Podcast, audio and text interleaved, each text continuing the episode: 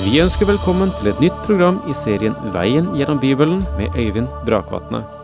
Denne studieserien er produsert av P7 Kristen Riksradio og bygger på serien Through the Bible av Vernon McGee. I dag fortsetter vi med gjennomgangen av Første Mosebok.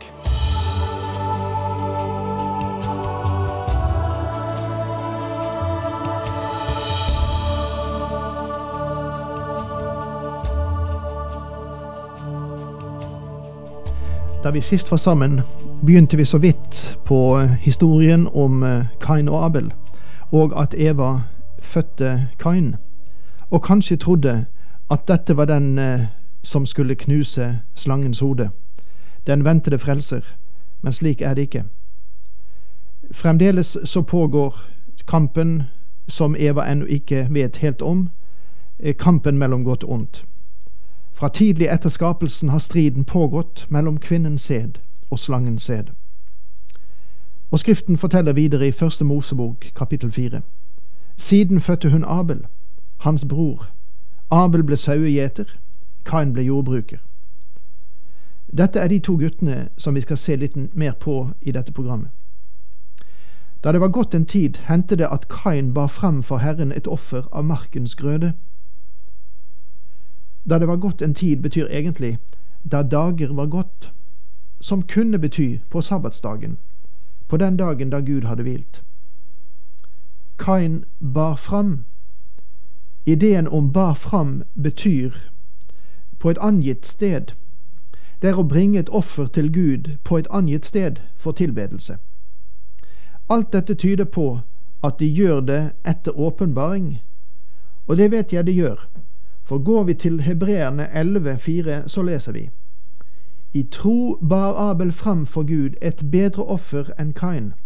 Fordi han trodde, fikk han det vitnesbyrd at han var rettferdig. For Gud godkjente hans offergaver, og med sin tro taler han ennå etter sin død.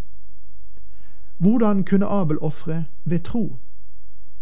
Så kommer da troen av det budskap en hører, og budskapet kommer av Kristi ord, sier romerbrevet. Gud måtte ha gitt sitt ord om dette, ellers ville denne gutten Abel aldri ha kommet ved tro. Men det var ved tro han kom. Den andre broren kom ikke på det grunnlaget. Kain bar frem et offer av markens grøde. Det er ikke noe galt ved frukten. Tro ikke at han gav det som var til overs. Hans holdning var ikke som å gi filler til misjonen. Jeg tror at den frukten som han brakte som sitt offer, ville ha vunnet førstepris i enhver landbrukskonkurranse. Han brakte det beste av sin vakre, velsmakende frukt, og han brakte det som et offer til Herren. Abel bar også fram offeret. Han gav av de førstefødte lammene i saueflokken sin og av fettet på dem. Herren så med velvilje på Abel og hans offergave, men Kain og hans gave enset han ikke. Da ble Kain brennende harm og stirret ned for seg. Noen kan tenke slik, jeg ser ikke noe galt i det som Kain gjorde. Judas skriver i det ellevte vers i sitt korte brev angående frafall i de siste dager. De har slått inn på samme vei som Kain. Hva er Kains vei? Da Kain brakte et offer til Gud, kom han ikke ved tro. Han kom på sine egne premisser. Og det offeret som han brakte, fornektet at menneskenaturen er ond. Gud sa, Bring det lille blodoffer som vil peke på forløseren som kommer til verden. Kom på det grunnlaget, og kom ikke ved å bringe produktet av dine egne gjerninger. Kains offer fornektet også at mennesket var atskilt fra Gud. Han handlet som om alt var i orden. Det er noe av liberalismens tone også i dag, når man taler om at Gud er alles far og vi er alle brødre.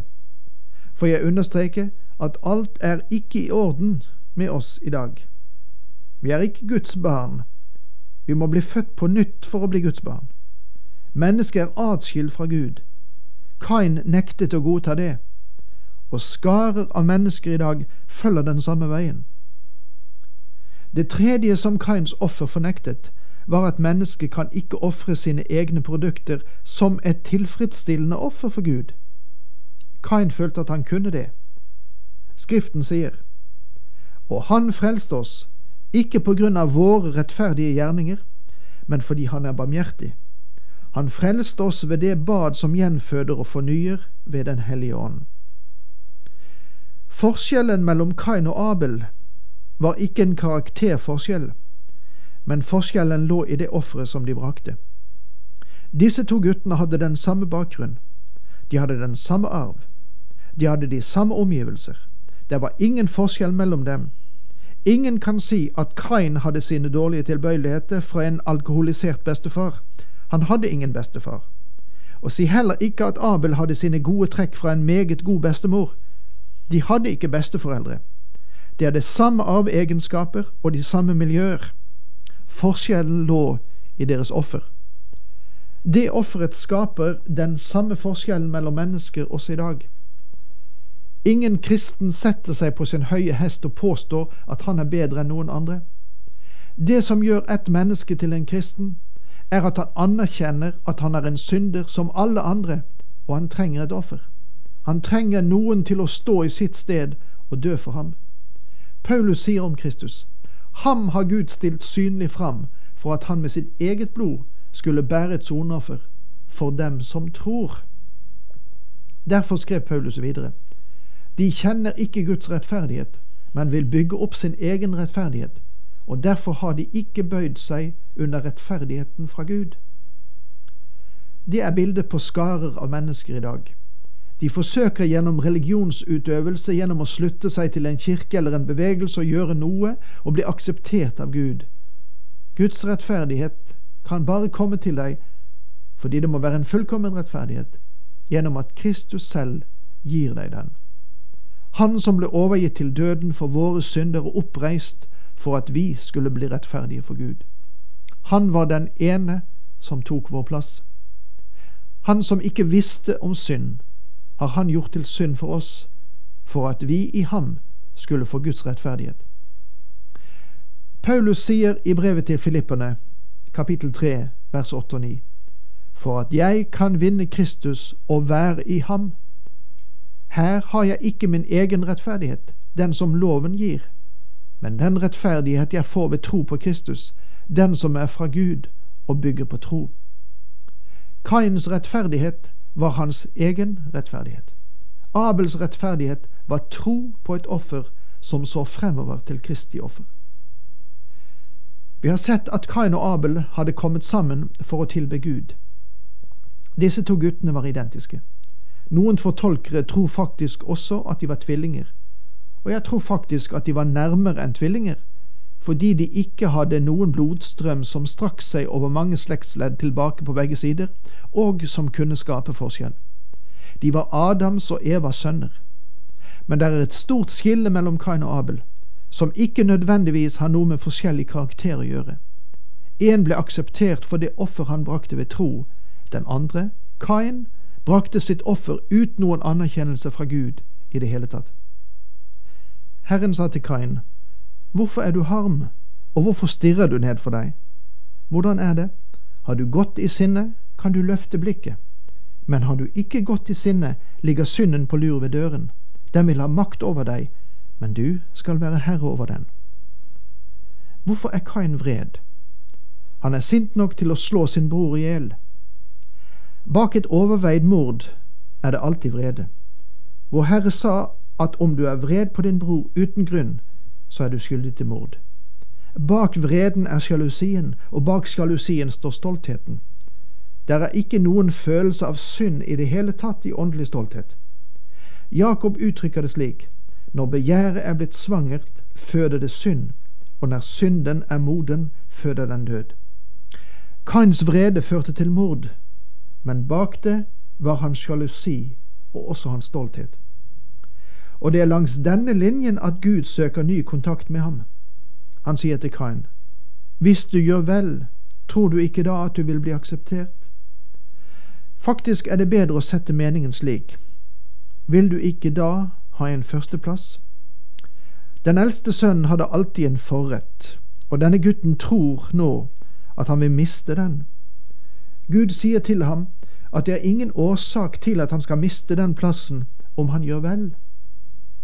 Å gjøre vel ville være å bringe det som Gud hadde akseptert fra Abel, et offer og en erkjennelse av at han var en synder. Men ikke denne karen, nei. Han er bare sint.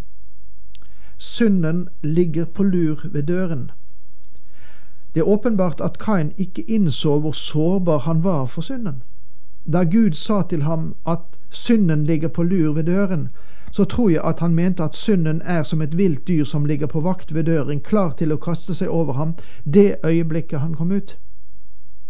Derfor trengte Kain et offer for synd som Gud kunne akseptere, et offer som pekte hen til Kristus. Johannes skriver, vi må ikke ligne Kain. Han var av den onde og drepte sin bror. Og hvorfor drepte han broren? Fordi hans egne gjerninger var onde, mens brorens var rettferdige. Har du ikke gått i sinne, ligger synden på lur ved døren. Å gjøre vel ville ha vært å bringe det offer som Abel hadde brakt, et brennoffer. Du finner at Abraham også ofret et brennoffer, for der kunne ikke være noen overtredelse før loven ble gitt. Det betyr at synd ikke ville være noen overtredelse mot loven før da. Derfor finner vi at Gud faktisk beskyttet denne mannen Kain. Siden sa Kain til sin bror Abel, Kom, så går vi ut på marken. Og mens de var der ute, for Kain løs på sin bror Abel og slo ham i hjel. Da sa Herren til Kain, Hvor er din bror Abel? Han svarte, Jeg vet ikke. Skal jeg vokte min bror? Dette er et frekt svar, og ærlig talt hadde han liten respekt både for sin bror og for sin Gud. Han forsøker å dekke over sin handling, men Skriften sier Ingenting er gjemt uten at det skal fram, ingenting skjult uten at det skal bli kjent. Det er noe å tenke over om du har noen skjult synd. Det er bedre at du forsøker å gjøre noe med den mens du er her, for en gang skal den komme frem når du står for Guds åsyn. Han vet allerede om den, så du kan like godt fortelle ham om den nå. Denne karen Kain forsøker å si at han ikke er skyldig. Er jeg min brors vokter? Hvilket forferdelig frekt og overfladisk svar. Da sa Herren, Hva er det du har gjort? Hør din brors blod rope til meg fra jorden. Hebrebrevets forfatter bruker dette bildet i Hebreerne 12,24 til Jesus, mellommannen for en ny pakt, og til det rensende blod som taler sterkere enn Abels blod. Abels blod talte om et mord som ble begått. Kristi blod taler om forløsning. Det taler om frelse. Og det gjelder for oss alle, og det gjelder i dag.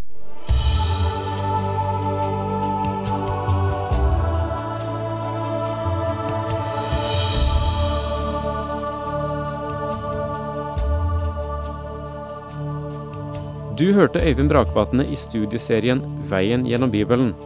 Serien bygger på et manus av Vern McGee. Har du spørsmål eller kommentarer til programmet, kan du sende en e-post til vgb krøllalfa p7.no. Takk for i dag, og på gjenhør.